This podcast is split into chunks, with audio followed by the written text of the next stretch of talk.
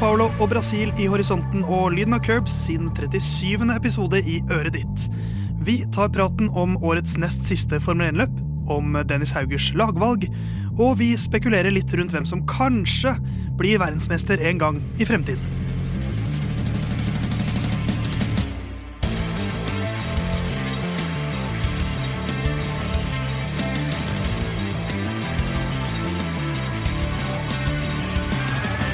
Hei sann sveisann, der var Lina Curbs tilbake. Det er november, det går mot vinter, og man skulle tro at uh, ulike idretter begynte å liksom avslutte sine sesonger. Men nei da, Formel 1-sesongen gir seg ikke helt ennå. Det er to løp igjen. Brasils Grand Prix og eh, så skal vi til Abu Dhabi til slutt. Men vi skal fokusere på førstnevnte i dag. Så skal vi prate som sagt om Dennis Hauger og litt om kanskje fremtidige verdensmestere. Og Theis er her. Han er en av de tre du skal høre på ca. neste timen. Men det er også du, Jon Hafton, det er ikke noe sjokk? Eh, det er ikke noe sjokk. Det er jo eh, ganske tidlig sesongavslutning i Formel 1 den sesongen. her. Vanligvis pleier vi å kjøre ut i desember òg. Og det er jo pga. et ganske famøst fotball-VM-mesterskap. Stemmer, det har jeg ikke tenkt på før nå. Som ivaretar menneskerettigheter rettighetene på lik linje med mange av de stedene som vi kjører eh, Formel 1-løp. Ja, altså, det er så nydelig. Men, eh, men, Jon er med oss. Det er ikke noe sjokk. Det er ikke noe sjokk at du er her heller, Andreas. Eh, vi kan vel si det. Nei, det begynner vel ikke å bli noe sjokk nå at jeg dukker opp i ny og ne. Nei. Andreas Halvdan, som vi har døpt deg. Andreas Halvorsen, broren til Jon Halvdan. Hvordan går det med deg for tiden? Nei, det går, det går bra. Ja. Det er herlig å jobbe i en jobb hvor man må være ute mye av dagen. Ja, ikke sant? Og det har jo vært strålende vær den siste uka her i Oslo, så det, det går greit. Du kunne kanskje tenkt deg en vinterpause, du òg? Det hadde vært kjekt med en vinterpause, det kan jeg godt se. Du ønsker deg tidligere sesongavslutninger du også, bare generelt? Ja, og så kunne jeg gjerne sett på at folk bestilte færre varer når eh, det er kaldt og vått, og ja. helst om sommeren. Da vet jeg Kjipt med jula, da ja, alle skal ha pakke levert hjem. Forferdelig med jul. ja. uh, nei, men vi skal uh, For Herman er jo da ikke her. Uh, vi, vi, vi, sier det hver uke, nesten. men jeg, nå holdt jeg på å glemme å liksom, si at han som egentlig da er det tredje medlemmet av Lina Curbs, det tredje offisielle medlemmet, han er ikke her. vi er ikke helt sikre på hva han gjør, men vi har en liten rapport her fra mannen selv. Ja, ja, ja. Herman her. Uh, ute på farta igjen. Og når jeg da skal spille inn det lydopptaket her på mobilen, så kan jeg se liksom navnet på de forrige lydopptakene som automatisk får navn til uh, det stedet man sist spilte inn lydopptak. Og da ser jeg at det er Jolly Roger Hotel fra California. Og det er klart, da jeg var på reise, så hadde jeg bedre uh, årsak til å ikke være med i podkasten enn det jeg har nå. Uh, men det er en vanvittig hektisk periode. Så da strakk ikke tida til for min del.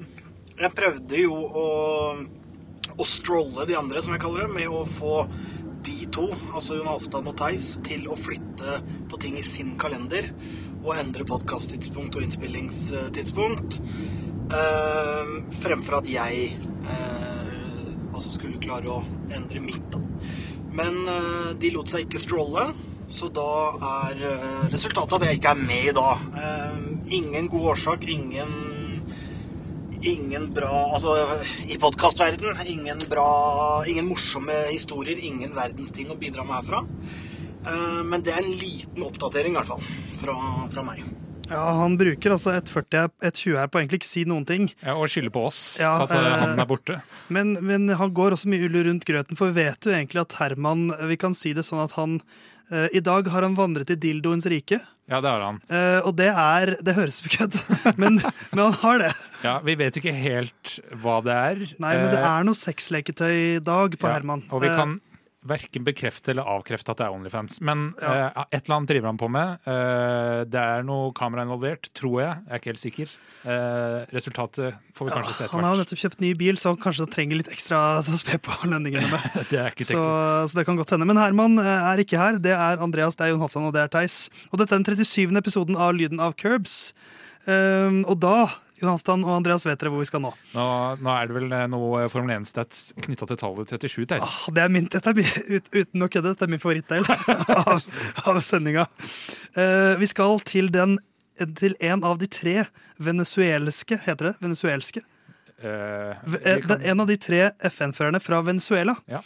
Og eh, han som også da er den forrige Williams-føreren til å vinne et løp. Uh, det er vel uh, Pastor Maldonado. Du er god, Jonathan. Pastor Maldonado han var Formel 1-fører fra 2011 til 2015, og han vant altså Spanias Grand Prix i 2012. Og Det var forrige seier til Williams, og det var da deres forrige seier siden 2004. Så det har ikke gått så bra med Williams de siste tiårene. Uh, det var en spesiell løpsritt jeg, jeg, klarer ikke å ikke blande inn syk sykkelsporten. Det var en spesiell løpshelg. Hamilton tok pole, men så var det en bensinprøve som gjorde at eh, den gikk til Pastor Maldonado isteden. Som eh, kvala P2, da. Ja, som kvala P2, så han kjørte jo veldig bra. Eh, Alonso tok dog ledelsen fra start og ledet veldig lenge, men en undercut av Maldonado, som ga han ledelsen tilbake. Og så ledet han stort sett derfra og ut. Og det vi da skal til, er tall 37, for han ledet 37 runder oh. i Spanias Grand Prix 2012. Og det var de 37 rundene han fikk i ledelsen i et Formel 1-løp. Ja, dette var vel den sjette forskjellige løpsvinneren. Eh, femte. femte. På rad. Ja, de hadde sju totalt på rad forskjellige løpsvinnere. Ja, fra start. Det var det femte løpet i sesongen. McLaren vant først, så vant Ferrari, Mercedes, Red Bull og Williams. Yes. Eh, det, det, er jo noe vi kan drømme om i dag. Ja. Eh, men, men, det var en rå sesongstart, og Pastor Maldonado fikk sine 37 runder i fronten. Vant foran Alonso og Raikon. Så det var ikke noe hvem som helst han slo der. Hans første og eneste seier og podium og ledelse i et Formel 1-løp. Så 37, hver gang du hører det tallet, så skal du tenke på pastor Maldonado. Uh, og vi vandrer fra Venezuela til Brasil. Det er ikke så langt, da, heldigvis. Uh, det er det ikke. Men vi stikker til Sao Paulo.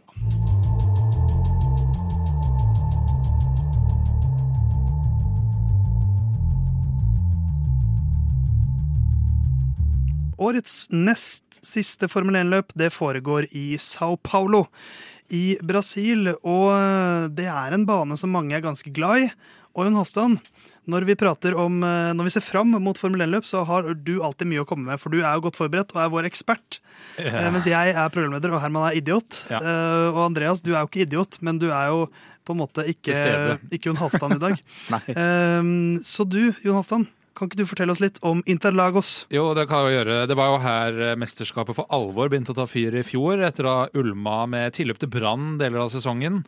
Eh, Interlagos er da en bane som består av 4309 meter fordelt på 15 svinger.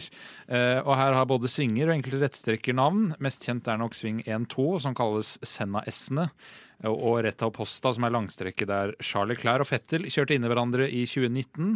Eh, og der Hamilton kjørte forbi Verstappen i hvert fall to, kanskje tre ganger i fjor. Eh, det er jo da to DRS-trekk, ett ned start målstreke og ett ned rett av posta mellom sving tre og fire. Det er eh, flere forbikjøringssteder på banen. Det ene er vel eh, inn til sving én og sving fire, som er liksom de mest sannsynlige, men også inn til sving tolv, som er den siste ordentlige svingen på runda. Og Banerekorden ble satt av Walter Bottas i 2018 med rundetid på 1 minutt, 10 sekunder og 540 tusendeler. Og dette er jo da også banen, som er nest høyest over havet med eh, ca. 800 meter. Som er en del mindre enn de 2000 eh, som var for snart to uker siden. Ja, så det er ikke oksygen, kanskje ikke like stort problem, men fortsatt eh, litt tynnere luft enn eh, en, uh, i Australia. For eksempel. Eh, ja, noen lag eh, som sliter med tykk luft, vil nok trives eh, bedre på 800 meter enn det de gjør på rundt null. Og det, kanskje, kanskje, det er sånn vi skal begynne, at, at, luft som er 2000 meter over det er vanlig luft, og så er det den lufta vi har, er tykk luft. Fet luft. Du driver med fatshaming av lufta òg? Ja, vet du hva, det syns jeg er ufint. Det syns jeg jeg du kan holde deg for god for, men, men ja, vi får ta og trekke lungene med litt feitluft. Er du mer 800 meter eh, fyr eller 0 meter fyr? Og jeg er nok bedre på 0 meter enn 800 meter, ja. sånn i løping. Ja. Gi meg fetluft, det er det jeg er mest interessert i. Men uh, dette er jo en bane som har gitt oss mye dramatikk de siste årene. Uh, som du sier, det var I fjor var den jo litt uh, tidligere i sesongen. Da var det vel en fire løp igjen etter ja. Brasil. det stemmer. Så, men det var vel da liksom comebacket til Mercedes hadde liksom begynt å ta litt form. ja, kontroversene begynte jo Eh, altså starta liksom for alvor det var, Eller det var mye kontrovers hele sesongen. Ja, de... Eh, det avslutta på høyst kontroversielt vis, men eh, da DRS-luka til Mercedes og da Hamilton sin Mercedes åpna seg for mye med sånn 0,2 millimeter eller centimeter. Jeg husker ikke akkurat målet, men det var i hvert fall veldig lite. Så ble han diskvalifisert fra kvalifiseringa, måtte starte bakerst i da sprintløpet, som også var da den helga, som også er den helga. Ja, så det, var, det ble en veldig, en veldig dramatisk helg. Det var jo sprintløp da også, som du sier. der Heldigvis for Mercedes så var jo Bottas on fire. Tok starten og vant sprintløpet foran, foran Verstappen. Hamilton kjørte jo mesterlig opp fra P20 til P5, men bytta jo da motor og fikk fem plasser gridstraff. Så ja. starta jo P10 i løpet, men, eh, men Verstappen tok jo tilbake ledelsen i, eh, i, eh, løpet fra start. Peres opp til P2, så da så det liksom perfekt ut for Red Bull. Hamilton som kjørte seg inn igjen og da var det spisse albuer der, med skvising av biler og det ene og det andre. Det var, eh, det var en heftig duell som kanskje gikk litt over streken av og til. Eh, jeg vil jo høyst si at den gikk Begge over... bilene var over streken, for å si det sånn et punkt der, da eh, Hamilton ville forbi. Ja, og vi Hva skal jeg si? Gasly kritiserte vi forrige helg, og Max var jo da lenger ute enn Gasly i forsvaringa mot Hamilton. Som jeg, da jeg så det, så det er klink fem sekunder tidsstraff. Eh, da dommerne så det, eller eh, stewardene Race Director så det. Så sa nei, det er ikke noe vits at vi etterforsker det er noe mer. Og det var jo også da man begynte liksom å se litt hva skal man si, den dramatiske verdien av at man hørte kommunikasjonen mellom Race Direction og uh, lagledelsene. Ja. Hvor Red Bull var veldig kjapt innpå og sa til Michael Massey Michael, that is all about letting them race. Ja. Det var sånn Red Bull beskrev den manøveren. Hvordan husker du den situasjonen, Andreas? Nei, Jeg husker det faktisk uh, veldig godt. Jeg sendte også melding til en Halvdan under løpet og spurte egentlig ser du på, for det er sånn streng beskjed hvis han ikke ser løpet live, så ja, den, ikke snakk om det. Der har vi også indre justis i Rubina Curbs. Ja. Så, men da svarte han senere Jeg skjønte at Hamilton kom til å kjøre forbi fordi du sendte meldinga, men jeg sendte den i det, det øyeblikket skjedde, da, hvor, Ham, hvor Verstappen pressa Hamilton så langt ut. Så jeg sa at det var ikke det jeg snakka om. Nei. Så var det litt sånn sånn, for det, det, var jo så dramatisk at ikke det skjedde noen ting. Det var veldig spesielt, syns jeg. Ja, Så, så blei det jo eh, ganske tydelig der. Det var jo da Mercedes begynte med dette motorbyttetrikset, egentlig. Hvor de fant et slags smutthull. At de fant ut at OK, fem eh, plasser grisstaff, og så kjører vi lett inn det. For det var en motor eh, Den, den trivdes i tynnlufta, for å si det sånn. Eh, absolutt. Og eh, hvis man Det var nesten mer enn eh, det Red Bull hadde på spa i år, f.eks. Hvor Mercedes Det var to forskjellige formelserier, så det ut som. Eh, at resten av Formel 2-bilene Resten av bilene var Formel 2-biler. Og så var det Formel 1,5 i Red Bullen. Og den Mercedesen den var skrudd opp til 110, den motoren. Og mm, Hamilton hadde eh, Altså, det var imponerende forbikjøring, absolutt, men han hadde en bil som var eh, mye bedre ja. enn eh, resten. Det er litt som når du kjører uh, Formel 1-spillet, og så skrur du ned AI til sånn kanskje 75. Ja. At du må fortsatt jobbe litt for det, men, uh, men, uh, men, han hadde en veldig bra bil. Og han vant jo med ganske god margin til slutt. Ja, 10, så det var, jo, det var, jo, ikke så avgjørende. Men det var en, en veldig underholdende løpshelg. Og nå skal vi ha sprintløp nå også, men med litt andre regler. For nå er det jo, nå, nå er det jo sprintløpet som uh, Jo, det er vel fortsatt slik at sprintløpet ja. setter kvalik. Vi er fortsatt usikre. Jeg er fortsatt usikre. Nei, det er, det er, sånn at eh, kvalik er på fredag uh, og kalles kvalik. Så er sprintløpet på lørdag. Det gir åtte til ett poeng fra førsteplass til åttendeplass. Uh, men det setter også gridet til løpet på søndag. Men det kalles ikke kvalik lenger, for kvaliken er på fredag. Ja. I fjor het det sprintkvalik. Uh, dette er en modell vi har kritisert uh, mange ganger her i podkasten, eh, men uh, det er nå en gang det det er. Vi kan ikke diskutere med akkurat hva det er i dag, i alle fall, så får vi se om det blir noen justeringer neste år. Ja, jeg har allerede varslet flere, er det ikke det? Så at det skal bli flere det skal bli flere av de. Så vi får se. Jeg skulle gjerne sett at de var litt kortere. Ja, ja, ja, at det er uh, kanskje sånn som kort løp på FN-spillet. Men vi fokuserer på årets sesong. Red Bull har nå to, fire, seks, åtte, ni strake seire.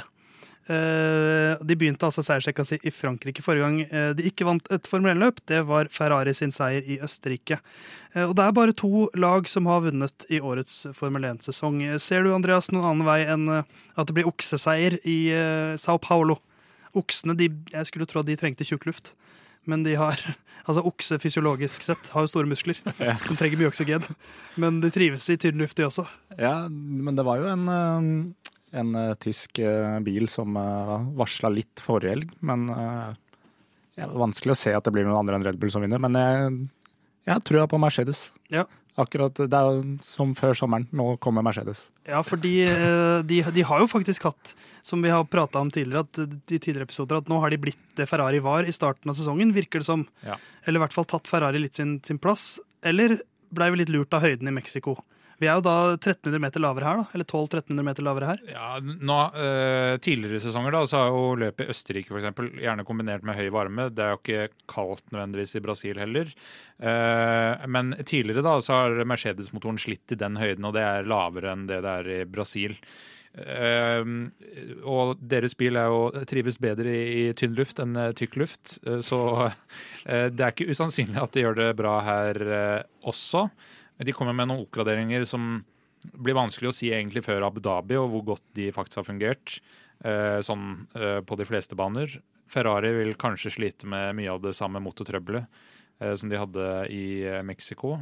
Det var det jo da var i kombinasjon med lite kjøretid, så vi får se om de er mer konkurransedyktige. Jeg tror kanskje ikke det, Et- men i så fall så blir det da eh, tydelig Red Bull i front og eh, kjempe om resten av plassene for eh, eh, Mercedes og Ferrari. Eh, så spørs det litt med Peres. Da. Han er jo liksom ute av stand til å prestere på Verstappens nivå. Ja, det, det er det vel, det kan man vel egentlig si om de aller fleste. Ja, Men, men det er 40 poeng nå mellom Ferrari og Mercedes. Toto Wolff sa vel var det før Mexico at han ville ofre andreplassen for en løpseier. Han ville vil ofre andreplassen for mer vindtunneltid, tror jeg. Ja, det var det kanskje. Eh, Men, men ja, for å snakke om den andreplassen. 40 poeng på to løp, det er De tar 20 poeng i snitt. Eh, og de må også vinne Ja, de må ta 20,5 poeng i snitt, da. For de må, de må jo ta De må korte ned 40 poeng, og de må ha ett poeng mer enn dem. Så de må ta 41 poeng. Altså, de må egentlig vinne resten, og så må Ja. Ferrari helst bryte med alle bilene. Så det er skal, eh, det skal vel eh, litt til, men er eh, Kan Mercedes eh, henge på her, da? Det er jo en, en, altså nå har jo Louis Hamilton blitt honorary citizen i Brasil. Eh, nå var det et par dager siden. Han var i det brasilianske Ja. generalforsam- eller folkeforsamlingen og fikk applaus og ære sånn Jeg husker ikke hva det het, men han er nå eh, honor citizen av Brasil. For han er veldig populær der og har vært dritgod i Brasil før. Mm. Så han elsker denne banen, Andreas. Ja, han gjør det. Og altså, jeg ser for meg Altså, de røyk jo litt på sin egen strategi i forrige helg. eh, Eller sist løp, da, synes jeg, Mercedes. Så hvis de kan eh, finne den riktige strategien, den riktige dekkstrategien, da, som er så viktig i år Ja, for det er jo det vi har prata om i det i ganske lenge nå, at de har jo fortsatt taktikken, taktikkeriet til et topplag, et lag som har den beste bilen. Ja, Har de, har de, kan, de, kan de ikke lære seg nå at ok, hvis vi skal vinne noe, kjør. For de har sikra seg den tredjeplassen. Mercedes, bare velg den strategien som gjør litt vondt. Eh, ikke ta den trygge, men den som er litt ubehagelig å velge. I hvert fall på en av bilene, så kanskje det blir noe ut av det. Men Eh, eh, ja, hvis, de, hvis Toto later som at han har lyst til å bli nummer tre for å få mer vindtunneltid, så er det jo bare å, da er det bare å gi alt, er det ikke det? Altså, Jo. går det, går det under, så ja, er det de greit, liksom. tar jo uansett ikke inn 40 poeng uh, på Ferrari. Så Nei. det er jo bare Hvorfor ikke bare kaste alt uh, på den bilen og se hva er det vi får til?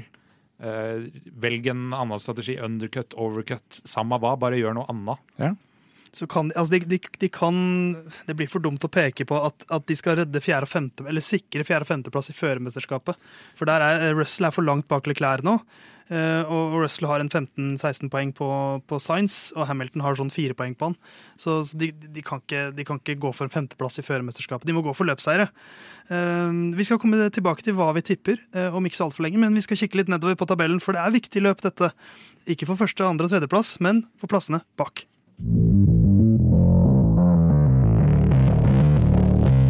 Red Bull, Ferrari, Mercedes det er de tre store i denne sesongen, og de kommer nok til å ende i den rekkefølgen også i mesterskapet. Konstrukt, type konstruktør her, altså.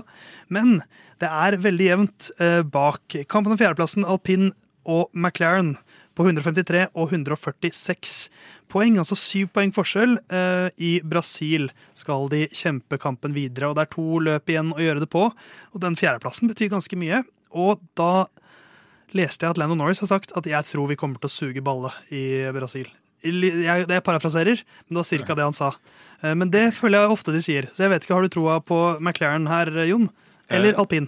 Eh, jeg jeg tror vel Alonso kunne sagt det samme, at jeg tror ikke vi fullfører Brasil. Ja, men han har jo grunn til å si det. Og Con Ja. kommer til å fullføre. Uh, ja, vi får se da hva den eh, alpinbilen eh, holder til.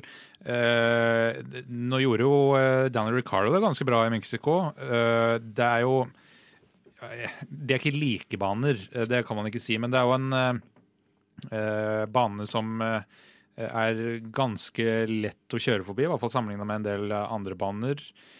Eh, høy hastighet har noe å si, men andre sektor er ganske svingete, så du må ha god downforce også. Så det bør være en liten fordel McLaren, tror jeg, på bil.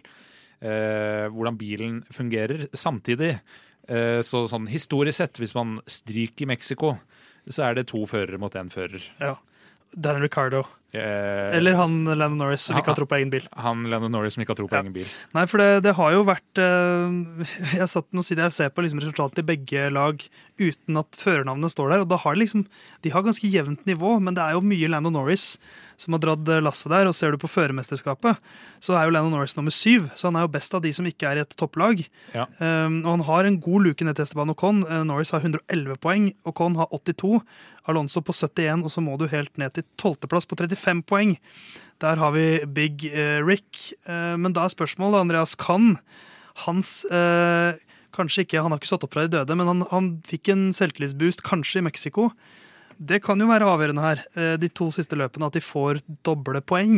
Det kan bli avgjørende. Hvem som får doble poeng i, i, i Brasil, kan fort avgjøre hvem som tar den fjerdeplassen. Kan ikke, de, kan ikke han gjøre et eller annet dumt uh, i practice 1, sånn at han får en straff fra start? Ja.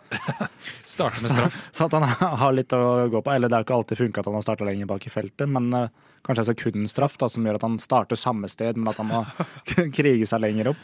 Ja, for det var spesielt å se den klumsete forbikjøringen av Sunoda, eller drapet på Sunoda, og så uh, Sunoda døde for Dan Ricardo synd, yeah. og så Jeg har jo en eh, bil som av og til eh, tror at den kan kjøre av seg sjøl.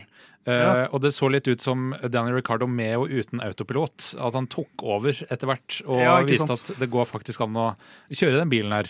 Uh, så det er jo eh, eh, ja. Uh, han har ikke vist så veldig mye jevnt, så håper jo at det kan fortsette. Det, altså det, det er jo ikke noe jeg heller vil. Det er, jo jeg hater jo ikke Daniel Ricardo og vil ha han ut av Formel 1. Jo, du, du gjør det. Nei. Det er fordi det er Hermans favoritt. Det, det, alle har skjønt det nå. Ja, selvfølgelig. Men, men jeg vil jo eh, jeg vil at alle skal gjøre det bra, selv Latifi. Selv om Latifi aldri kommer til å gjøre det bra for han er dårlig.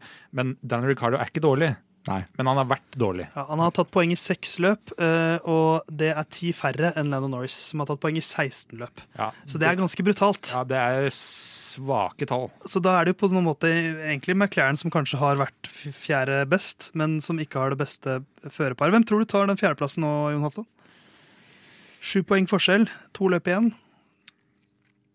Sju poeng, det er såpass. Altså for de, poeng, de, de lagene, realistisk sett, så er liksom sjetteplass og nedover det de ofte kjemper om. Ja, jeg har sagt hele sesongen, jeg står for det fortsatt, alpin. Alpin, da får jeg si eh, McLaren, jeg, da. Hva med deg, Andreas? Williams. Ja, Williams. Latifi sin eh, revival. Nei, jeg, jeg har trua på McLaren. Ja, det har eh, jeg også. Men bak disse to lagene så er det jo enda jevnere. Kampen om sjetteplassen, der er det jo egentlig Vi kan si fire lag som er med i kampen, hvis man får et sånt freak-resultat at plutselig eh, en Has-fører vinner et løp. Det er få løp igjen Ja. å få Men- freak-resultat på. Realistisk sett så står det om Alfa Romeo og Aston Martin i kampen om den sjetteplassen. Um, Og Has Alfa Tauri om i kampen om åttendeplassen. Ja, som de ligger likt. De har ett poeng mellom seg, favør Has, mens Alfa Romeo leder med fire poeng. Um, og her syns jeg det er vanskelig å spå noe, for her, i og med at sannsynligvis er både Red Bull, Ferrari og Mercedes på poeng, og alpin og McLaren da neste i køen, det er ikke mange poeng igjen å kjempe om for eh, Alfa ned til Alfa Tauri. Men vi er jo kommet til den delen av sesongen hvor det er eh, eh, at du må eh, coaste der og eh, airbreak der, holdt på å si. Fordi Det er noen støle biler, biler her ute. ja, det er nettopp det. Så jeg har veldig vanskelig for å se at 20 biler fullfører. Ja. Eh, og eh, det kan gjerne være noen av de som pusher litt hardt foran. Så det kan åpne seg mer poengplasser. Eh, Samtidig eh, så er det også egentlig litt vanskelig å si mellom eh, hvem skal ta siste to poengplassene, da, hvis det er Alfa Romeo og Aston Martin det står mellom. Eh, Aston Martin-bilen har sett bedre ut, men Alfa Romeo kom med en oppgradering som gjorde at de så plutselig en del bedre ut. Bottas spesielt i kvalifisering, og gjorde det ganske bra i løpet. Eh, så det er liksom ja, litt vanskelig å si.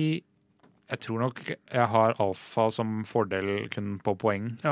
Jeg, jeg tror nok også det, fordi jeg er først nå, og det er, da er det enkleste å si, fordi at det er så Det er ikke mange poeng. Er det, altså, det er ikke sikkert at Aston Martin tar fire poeng i resten av sesongen. Nei. Det Kan være null poeng, Ja, liksom. det, det kan godt hende. Nå sitter jo jeg i Aston Martin-cap-stolen, og da må jeg si at uh, de tar mer enn fire poeng, Theis. Ja, Ja, men sant? fire poeng mer enn Alfa Romeo. Eh, Ja, de tar åtte poeng flere enn Alfa Romeo. Oi, oi, oi. Oi.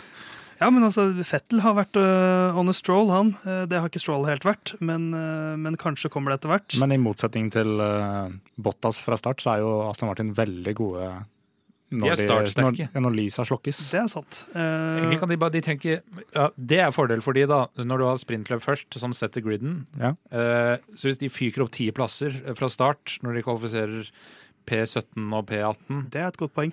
og så kommer hovedløpet, ti plasser til, 1-2, Aston Martin. Det er jo klart det er det det kommer til å bli. Det er ikke, det er ikke så dumt. Altså, Fettel har gode minner fra tre ganger han har vunnet uh, i, øh, i Brasil, senest i 2017, så det er ikke så lenge siden heller. Um, men da kjørte han i Ferrari, da, så den, øh, den, er, den er grei. Men uh, Has, uh, Alfa Tauri, Mick Schumacher har han kanskje to løp igjen av Formel 1-karrieren sin for denne gang nå.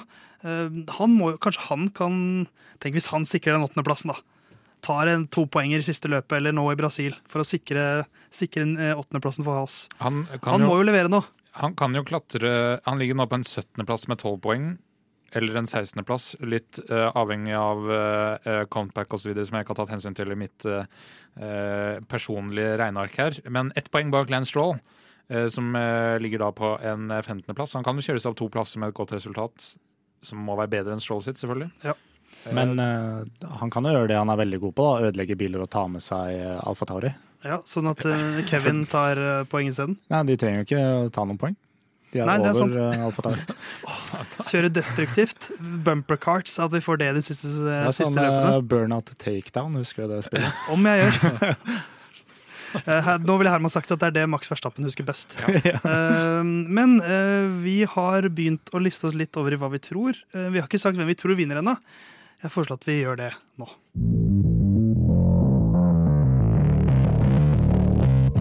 Det er to løp igjen å gjøre det på, eh, ikke bare for Formel 1-kjørerne, men også for eh, gjengen i studio, gjengen som utgjør lyden av curb. Så vår tippekonkurranse drar seg mot slutten, den nå. Og det er en, en, en skikkelig jevn batalje, Jon Halvdan. Takket være oss to. Ja, takket være oss to. Eh, Det var jo Herman som leda det her ganske lenge. Eh, Det har gått over. Eh, Nå har gjestene de har eh, 40 poeng, mer eller mindre. Herman har 88. eh, Og så er det et eh, hopp på eh, 29 poeng. eh, eller noe sånt. Eh, matematikken uh, svikter meg. 19 poeng. 107 poeng. Der ligger Theis. Ett poeng over der. Det får jeg til. Der er meg. 108 poeng. Ikke sant. Så eh, vi tipper jo da de tre beste. Eh, Vi får fem poeng hvis vi får eh, en fører på rett plass. Vi får ett poeng hvis vi har en fører på topp tre, men som havner på en annen plass på topp tre. Og så får vi tre poeng hvis vi treffer på ukas sjuking, hvor vi prøver å spå noe øh, vanskelig å spå som skal skje i løpet av helgen. Og Jon Hoffmann, du leder Jeg leder. med ett poeng på denne bassen her. Da kan du levere først. Vent litt før du Jeg har en liten kritikk av ukens sjuking. Ja. For altså, den er jo ekstremt vanskelig å treffe på, og så er det bare tre poeng for Jeg, å få den. jeg har også en, en slags intern kritikk av den, hvor jeg har tenkt akkurat det samme. Eh, For den, Vi har på en måte skrudd til den i løpet av sesongen. Ja. Så jeg har nok tenkt at Spesielt Herman fikk gjennomgå greit Ja. for den der, og det var kun var tre poeng å hente. Ja. Ja. men eh, det kan godt hende at vi skal øke poengene der. I starten, da det var tre poeng, så skulle vi tippe, tippe liksom eh, eh, løpets fører. Ja. Standout-fører. Det er litt for veikt. Eh, så nå det kan godt hende at vi skal øke den til ti poeng. Det får vi se. Ja, Denne sesongen er jo vår første som Formel 1-program og podkast, så vi skal nok være enda tightere på reglene neste år i vår egen konkurranse. Men Jon Halvdan, Ja, nå da- er jeg spent, for dette er jo viktige ord du skal si nå. Ja, det er veldig viktig. Og den her eh, pallen eh, Det er ikke noe humor med pallen min. Nei, for vi Eh, spiller for seier nå, Vi begge to. spiller for seier. Det er ett poeng mellom oss to. og Det er her poengene som regel ligger. Førstappen seier, det er nesten given. Jeg tror at Red Bull kommer til jeg tror at Ferrari og Mercedes kommer til å gå såpass i beina på hverandre at det blir Peres andreplass. Og så kommer Mercedes til å ha den knepent beste bilen for Ferrari, foran Ferrari, og dermed Hamilton på tredjeplass. Ikke sant? Og Hvis vi skal gå videre til ukens sjuking, og dette er egentlig ukets håp Ja. Løpet blir avgjort med forbikjøring på siste runde. Oi, så Verstappen kjører forbi Perez, på en måte? Ja. I, ifølge ditt tips, da. Selv om, de ikke, tips. selv om de ikke går over i hverandre. Nei, ikke nødvendigvis, men uh, uansett. Ja. Nei, øh, du Den er kan godkjent, den, er det ikke? Ja, ja, den syns jeg Ja, det syns jeg. For jeg kan ikke se for meg at Verstappen blir tatt igjen Eller at han tar igjen noen Det må være på siste Ja. runde òg. Ja, ja, nei, det, det skal mye til. Ja. Jeg syns du skal få den. Uh, Verstappen kan du bare slenge inn med en gang, på førsteplass hos meg. Uh, og så har jeg jo de tre samme navnene, men jeg har Hamilton på andreplass. Jeg har det. Ja, du har det. Så, uh, Det er jo litt spennende, da, Theis. Og så Peres på tredjeplass. Så da er det de, de to der som fort avgjør. Ja. Um, så får vi se, da. Sannsynligheten er jo, ikke, er jo stor for at vi får like mange poeng. Men eh, jeg har ukens uking. Sebastian Fettel leder i minst fem runder. Ja, lederleder. Ja. Ja, det er jo veldig usannsynlig. Først, Han leda jo så vidt det var i USA. Det var vel ikke fem runder? Nei, nei, nei. Fem runder er ganske mye å lede når du har en Aston Martin. Ja, og da er det Altså, du må Og så, og så har jeg lyst til å komme med slags, en slags ekstra, ekstradel av ukens sjuking som jeg hadde lyst til å legge, legge inn. Ja. Eh, Sebastian Fettel leder i minst fem runder, inkludert sprintløpet. OK. Det er greit. Og jeg tror, jeg tror på en måte egentlig at det er mindre sannsynlig at han leder der, men at hvis jeg bare kan få med den også. Men kan det være to runder i sprintløpet da, og tre i Ja, totalt. Totalt Total fem. tally. Men det er ikke sånn, er det fem i sprintløpet og ingen i løpet, så er det fortsatt innafor? Ja. Det er ikke sånn at eh, han må lede minst én runde i sprintløpet? Nei, nei, nei. Nei, Totalt fem i løpet av de to løpene. Og ikke fem runder på rad. Nei. Nei. Selv om jeg tror vel kanskje at det er vanskelig at han leder i to forskjellige stint. på en måte. Da er det mange stopp, altså. Ja. Fem ulike ganger. Så det er min. eh, Hva med deg, Andreas? Hva har du å komme med? Nei, eh, nå er jo gjestene veldig, veldig langt bak, så jeg kan De gjør ikke det som regel veldig dårlig òg. Ja, men jeg kan jo ikke sette Verstappen først, for det er jo ikke noe gøy. Så Hamilton nummer én. Okay. Så må ha Verstappen på pallen, da, så han blir nummer to. Og så blir Russell nummer tre. Ja, Jeg har troa på et eh, skikkelig George eh, Russell-løp her. Russell blitt litt eh, anonym. Han har fire løp på rad nå. hvor Han liksom er litt, han hadde andre tredjeplass der, og så Singapore, som ikke gikk så bra, og så åttende, femte, fjerdeplass. Han har blitt litt sånn Ja, det var liksom Ja. da Hamilton slutta å være prøvekanin, Ja, så gikk det sant, over i eh, litt dominans. Og så ukens sjuking, så tipper jeg at Norris kommer på ballen. Liker det. Liker det. Det, det, det betyr mye i, mest- i konstruktørmesterskapet òg, Ja. Hvis han klarer det. Eh, Så det var Andreas sitt tips. Vi- Klassisk halvgardering der. klassisk halvgardering eh, av eh, Jon Halvdan sin bror. Men Herman, vår tredje bror, han har sendt inn sitt tips i lydformat. La oss høre hva han tipper. Når det kommer til tips inn mot Brasil Grand Prix, så tror jeg nå at hele feltet, for å kalle det det, føler litt det samme som meg. Nå, sesongen er over. Nå er det lave skuldre, folk er i Vegas og viser fram bilen og tuller og rører. Alfa Tauri-gutta åpner butikk i London. Altså er- nå er det mye surr og sånn halvusaklig. Og det tror jeg gjør at det, hele garden i, eh, i feltet vil senkes litt. Rann. Eh, Men så har du noen gærninger da, som ikke helt klarer det. Kevin eh, Magnussen, for eksempel, en av de. Eh, Sebastian Fettel og Alonso tror jeg ikke. Så jeg, jeg tror vi kan kunne se noe rare løp nå eh, i uh, sesongavslutninga. Jeg, jeg spår det allerede nå. Så på førsteplass så setter jeg eh, faktisk Fernando Alonso. På andreplass setter jeg Fettel. Og på tredjeplass setter jeg Ocon. Nå kommer kaosløpet. Og på eh, ukas sjuking så setter jeg at ingen av Red Bullene fullfører. Og det skjer på en sånn måte at jeg vil kunne argumentere ovenfor Theis, det er en presisering, at det hadde med noe strategi slash valg som enten Red Bull-førerne eller Red Bull-teamet gjorde. Ikke nødvendigvis noe som må stamme fra virkeligheten, men noe som kunne på en måte vært det, da. Eh, Så jeg skal ikke bare finne med en sånn type ja, han ble tatt inn i pit der. Verstappen hadde egentlig lyst til å pitte før, derfor ble han forbanna og gjorde den forbikjøringa sånn ish. Eh, Det er ukas sjuking fra min side. Eh, Og så ønsker jeg dere andre lykke til med de dritkjedelige valga dere sikkert har satt.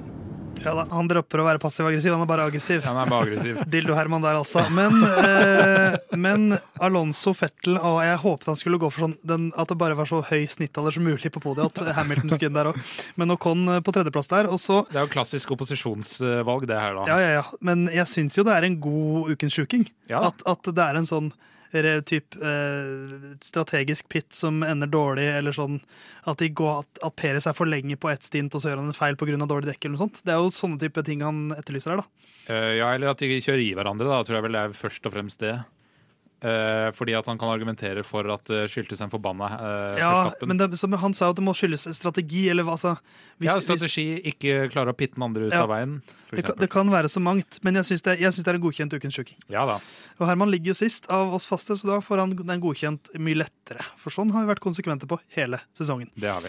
Men eh, ja, vi får se. Verstappen er jo da Jon Halvdan og Theis sine eh, favoritter. Peres Hamilton skal vi ha på plassene bak i ulik rekkefølge. Mhm. Og så er det noen sjukinger som melder at Hamilton og Alonso vinner. For en Verstappen og Russell og Fettel og Con.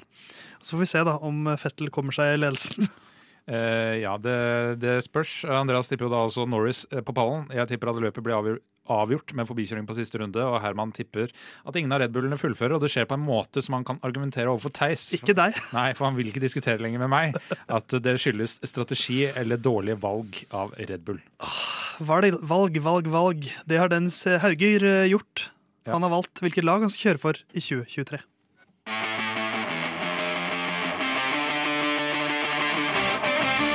Dennis Hauger sier farvel til Prema. Det offentliggjorde han denne uh, i helgen, var det vel? Ja, for uh, i løpet av en ukes tid siden Ja. så offentliggjorde han det. Avhengig av når du der hjemme selvfølgelig hører på dette. Men der ble det offentliggjort at han da bytter ut dette italienske laget med et nederlandsk lag. Og Nederland er jo dytten for tiden uh, motorsportmessig med tanke på Max Verstappen osv.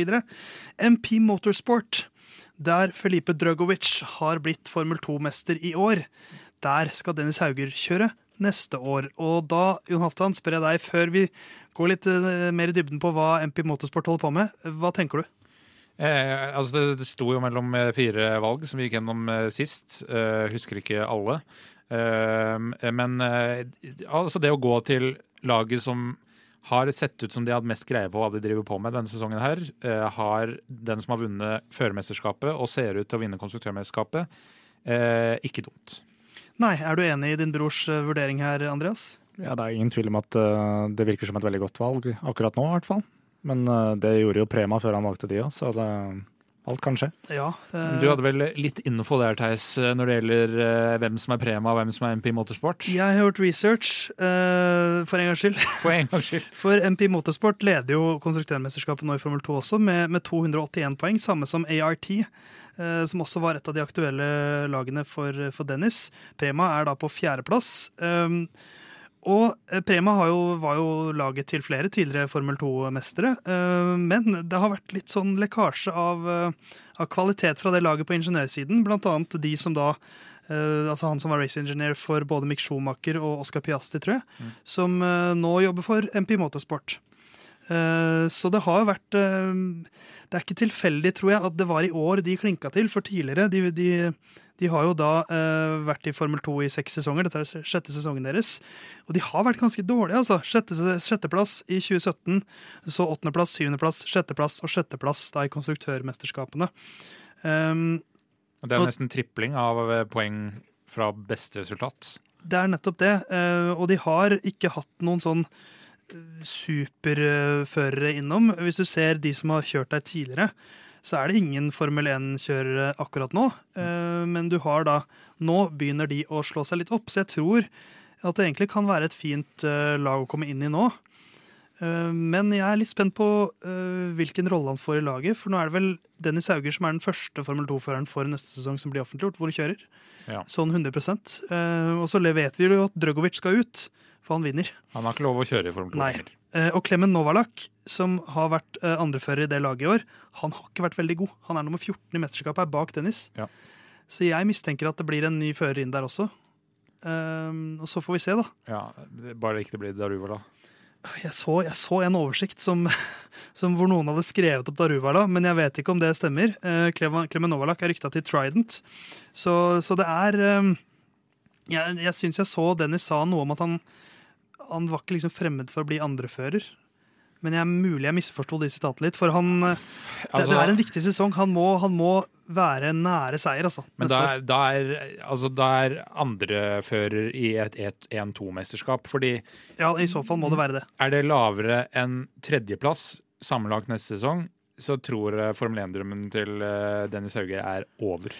Det tror jeg òg. Det, kan- det kan godt hende han får en fin eh, motorsportkarriere i andre motorserier. Ja, Formel E, Uh, Le Mans er jo lett å vinne, tydeligvis, for eh, gode, uh, gode førere.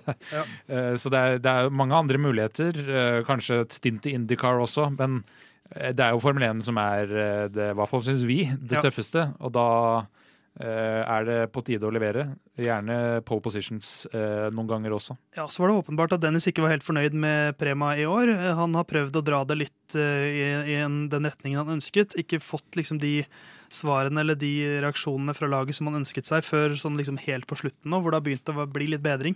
Vi får se i Abu Dhabi. Vi får se i Abu Dhabi. eh, Og Daruvala har jo faktisk vært ganske mye bedre enn Dennis. Mm. Så, eh, så Dennis Hauger han får han har store sko å fylle, i og med at Drogovic har vært så, vært så rå der i år. Så vi sier eh, lykke til, Dennis. Kanskje blir du en fremtidig Formel 2-mester. eh, Formel 1-mester i fremtiden. Vi får se en gang i fremtiden.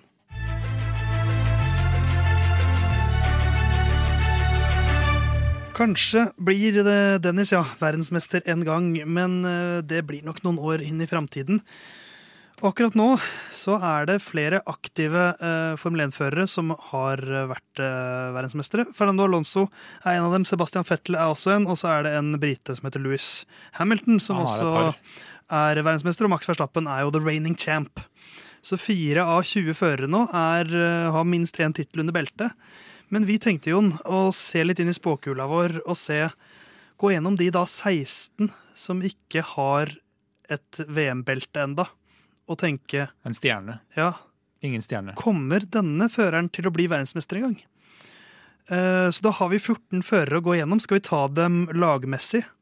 Eh, Det kan vi godt gjøre. Ja, Skal vi begynne da med Alfa Romeo? I og med at jeg tar lagene alfabetisk også. Ja.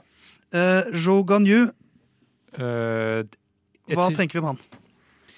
Eh, han er i et sånn midtsjikte, litt sånn Peres-aktig. Det er middelet bak han, det er et viss grad av talent der. Eh, men jeg tror han blir en eh, journeyman. Ja. Eh, så nei, jeg tror ikke det blir noe mesterskap av han. Nei. Har du tro på vår kinesiske venn, Andreas?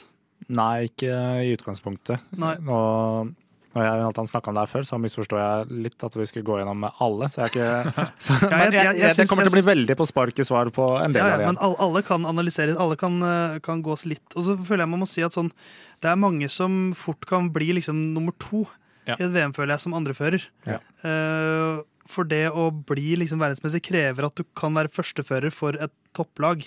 Og det føler jeg ikke han har. Nei, og ja, altså Nå har han definitivt ikke det. Jeg Nei. tror heller ikke han kommer dit.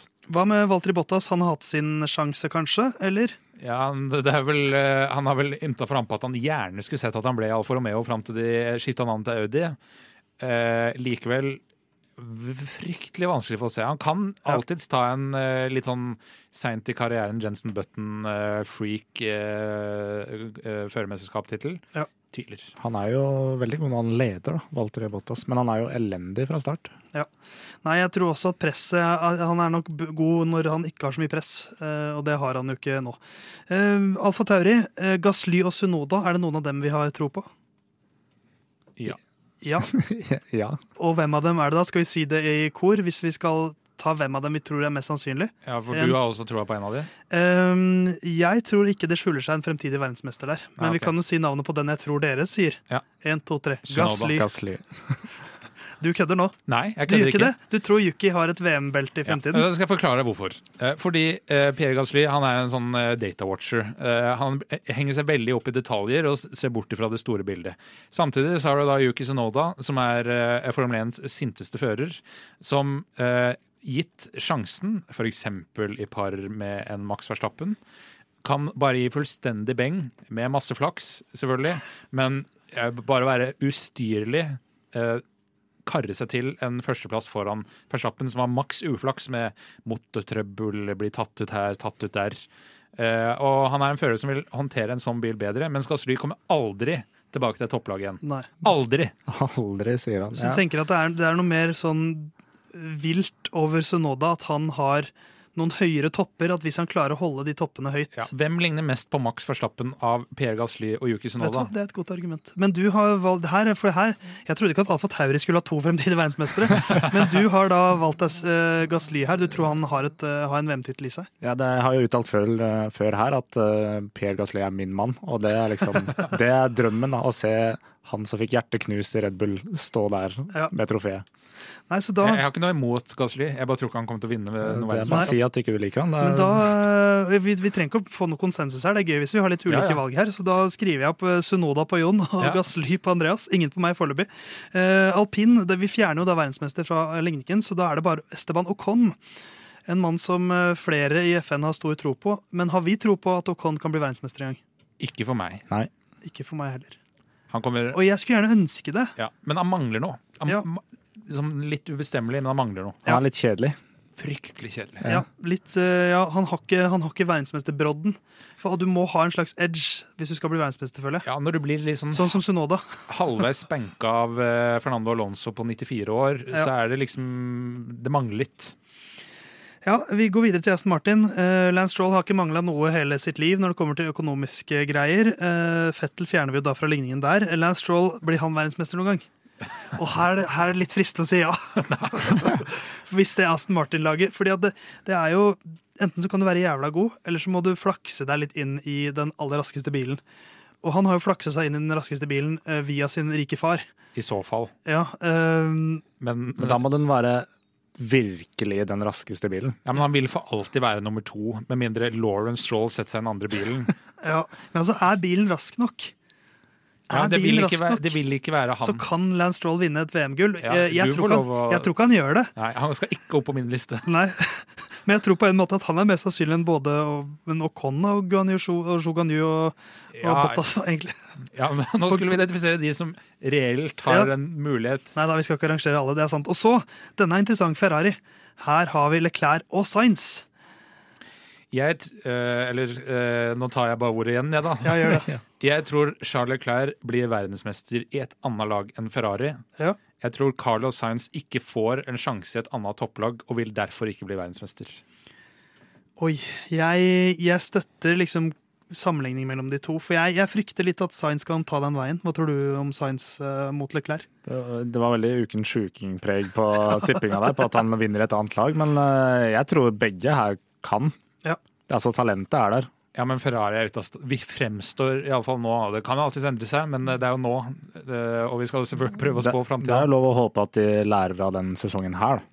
Ja, det har man sagt om mange sesonger Ja, med Ferrari. det er klart. Og, men Carlos Sainz kan jo også, la oss si McLaren blir god igjen. Og han har jo en Altså, jeg tror han kan havne tilbake Ja. igjen der. Jeg, jeg liker jo Sainz veldig godt. da. Jeg Ja, synes jeg han er en veldig, altså han har blitt litt glemt som fører fordi Ferrari har vært så all over the place. Så jeg tror jeg kommer til å si begge to her. ass. For jeg, jeg tror det som kan skje, er at uh, Leclerc kanskje forsvinner, og så er Sainz plutselig igjen i et lag som plutselig får det til en sesong. Ja. Så jeg sier begge to, jeg. Uh, hva med deg, Andreas? Tror du på begge, eller bare én av dem? Ja, jeg tror på begge. Så du har Leclerc og Sainz. Vi går videre. Kevin Magnussen og Mick Schumacher i Haas.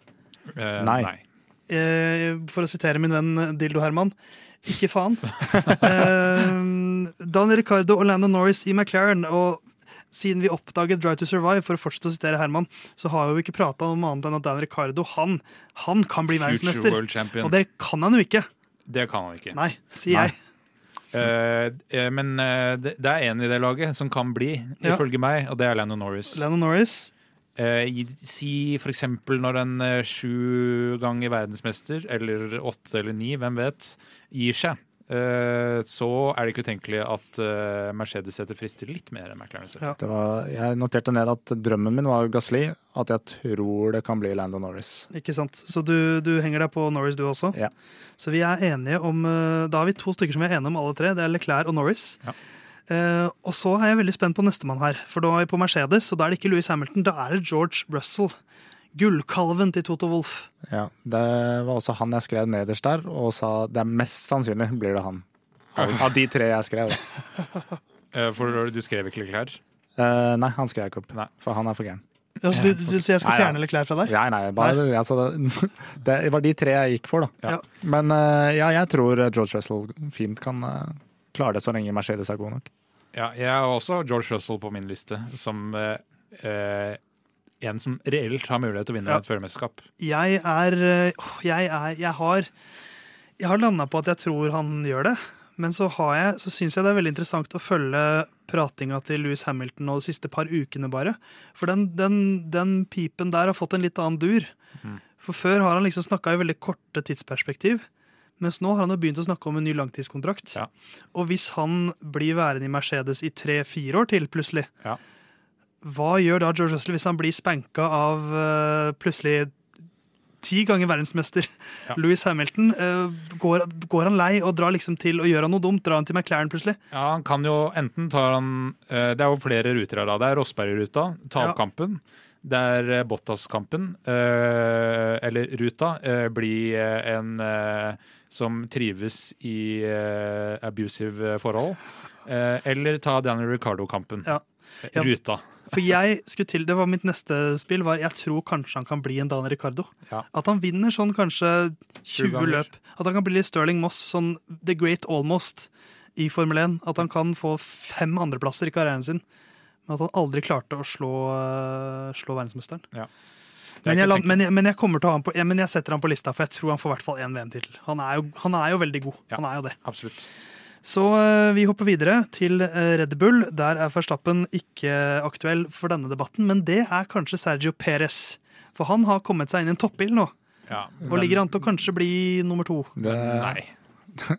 Hvis, altså Nå er jo Verstappen uaktuell, men hvis Verstappen er eh, helt borte vekk Hvis det hadde vært sånn, så er jo Peres nummer to. Ja, men jeg ser ikke for meg at han kan gjøre som øh, Jon Halvdan tror Sunoda kan gjøre. Nei, jeg tror ikke det heller, men det er liksom Han er jo ja, altså Han er nummer to. prototypen lojal. Uh, han sier jo sjøl han er uh, defense eh, minister Ja. eh, of Mexico. Eh, så han er veldig tilfreds med å være andrefører.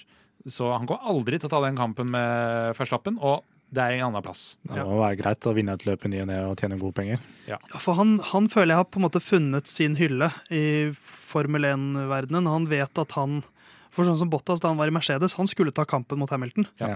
Og prøvde virkelig, og et par sesonger så var han i starten liksom så han ut til å skulle klare det, og kanskje henge med litt, men så klarte han det aldri. Mens Perez virker mer happy, så jeg tror også at han ikke har den, eh, den fremtiden. Eh, Vi går over til Williams. Og der har vi to veldig aktuelle navn. Det er Nicolas Latifi og Alexander Albon. La oss ta Latifi først. Eh, nå har han eh, to løp igjen å bli verdensmester på. som, er det, som er det som gjenstår av karrieren hans. Tvilsomt at han tar, prøver seg på en Daniel Ricardo med å komme tilbake igjen på et senere tidspunkt. Da skal i så fall noen lag slite fryktelig økonomisk, så nei. Eh, nei, nei fra meg. Jeg var- blir, lander også på nei. Det var et langt resonnement for å bare si nei. Eh, nei, begrunnelse ikke god nok. Ja. Eh, men hva med, hva med Alexander Albonda. Som har jo kommet tilbake nå, og som, som slår jo eh, Latifi ganske greit. Men, men har han Han er litt en slags Ocon light for meg.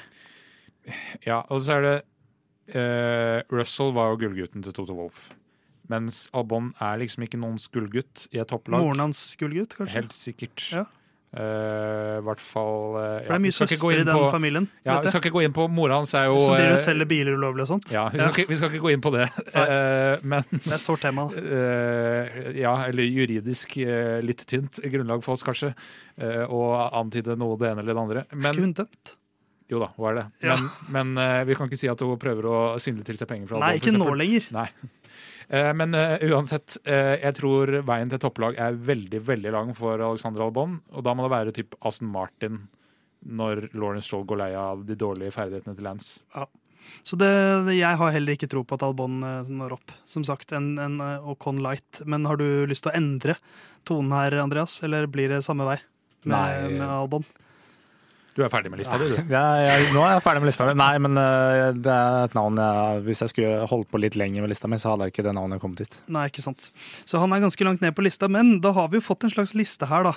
Over de vi tror skal bli verdensmester i fremtiden. Jon Halvdan, du har fire mann på din fremtidige verdensmesterliste. Ja, Det er litt overraskende. Yuki Sunoda. ja det syns jeg eh, Dere tenker ikke bredt nok. Nei, det kan godt hende. Eh, Men så har vi Leclerc, Norris og Russell. Eh, Andreas, du har Gasly, Leclerc, Sainz, Norris og Russell. Og jeg har Leclerc, Science, Norris og Russell. Så øh, jeg er jo den eneste som ikke har en på en måte En som bare er min mann. Nei. I og med at dere har Sunoda og Gasly. Men vi har alle troa på. Leclerc. Uh, nei, men eh, du har bare Sunoda. Ja, det er riktig. Og eh, Andreas har bare, er den eneste som har Gasly. Men vi har alle troa på Leclerc og uh, Norris og Russell. Ja. Eh, og så har Andreas og jeg troa på Science. Så får vi se da om noen av oss treffer. Vi får, ta, vi får spille av denne praten i reprise om sånn fem, seks, syv år. Ja, det får vi Og se, gjøre. og, se om vi, og se om vi treffer. Og for noen så er det ikke så viktig å bli verdensmester. For noen så handler det bare om å komme seg tilbake i Formel 1.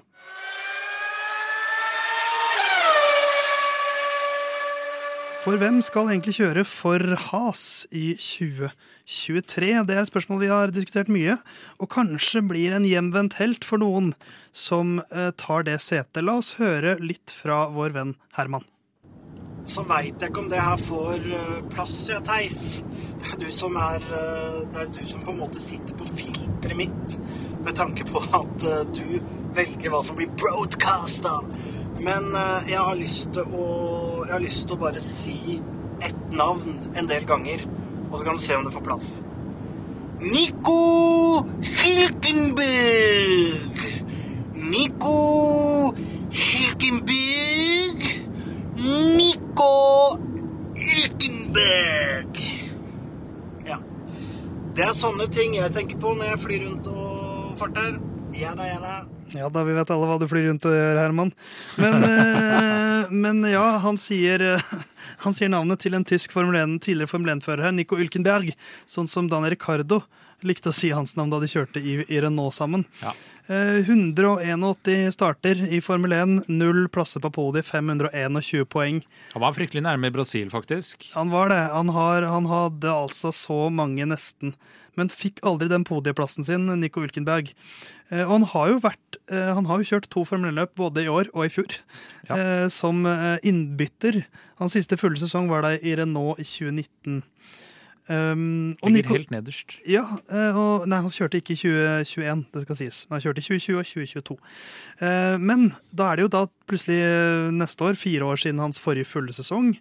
Men nå er han plutselig litt aktuell. En eh, var det belgisk eller tysk journalist som sa at på torsdag denne uka så skal Has offentliggjøre at Nico Ulkenberg kjører for dem i 2023.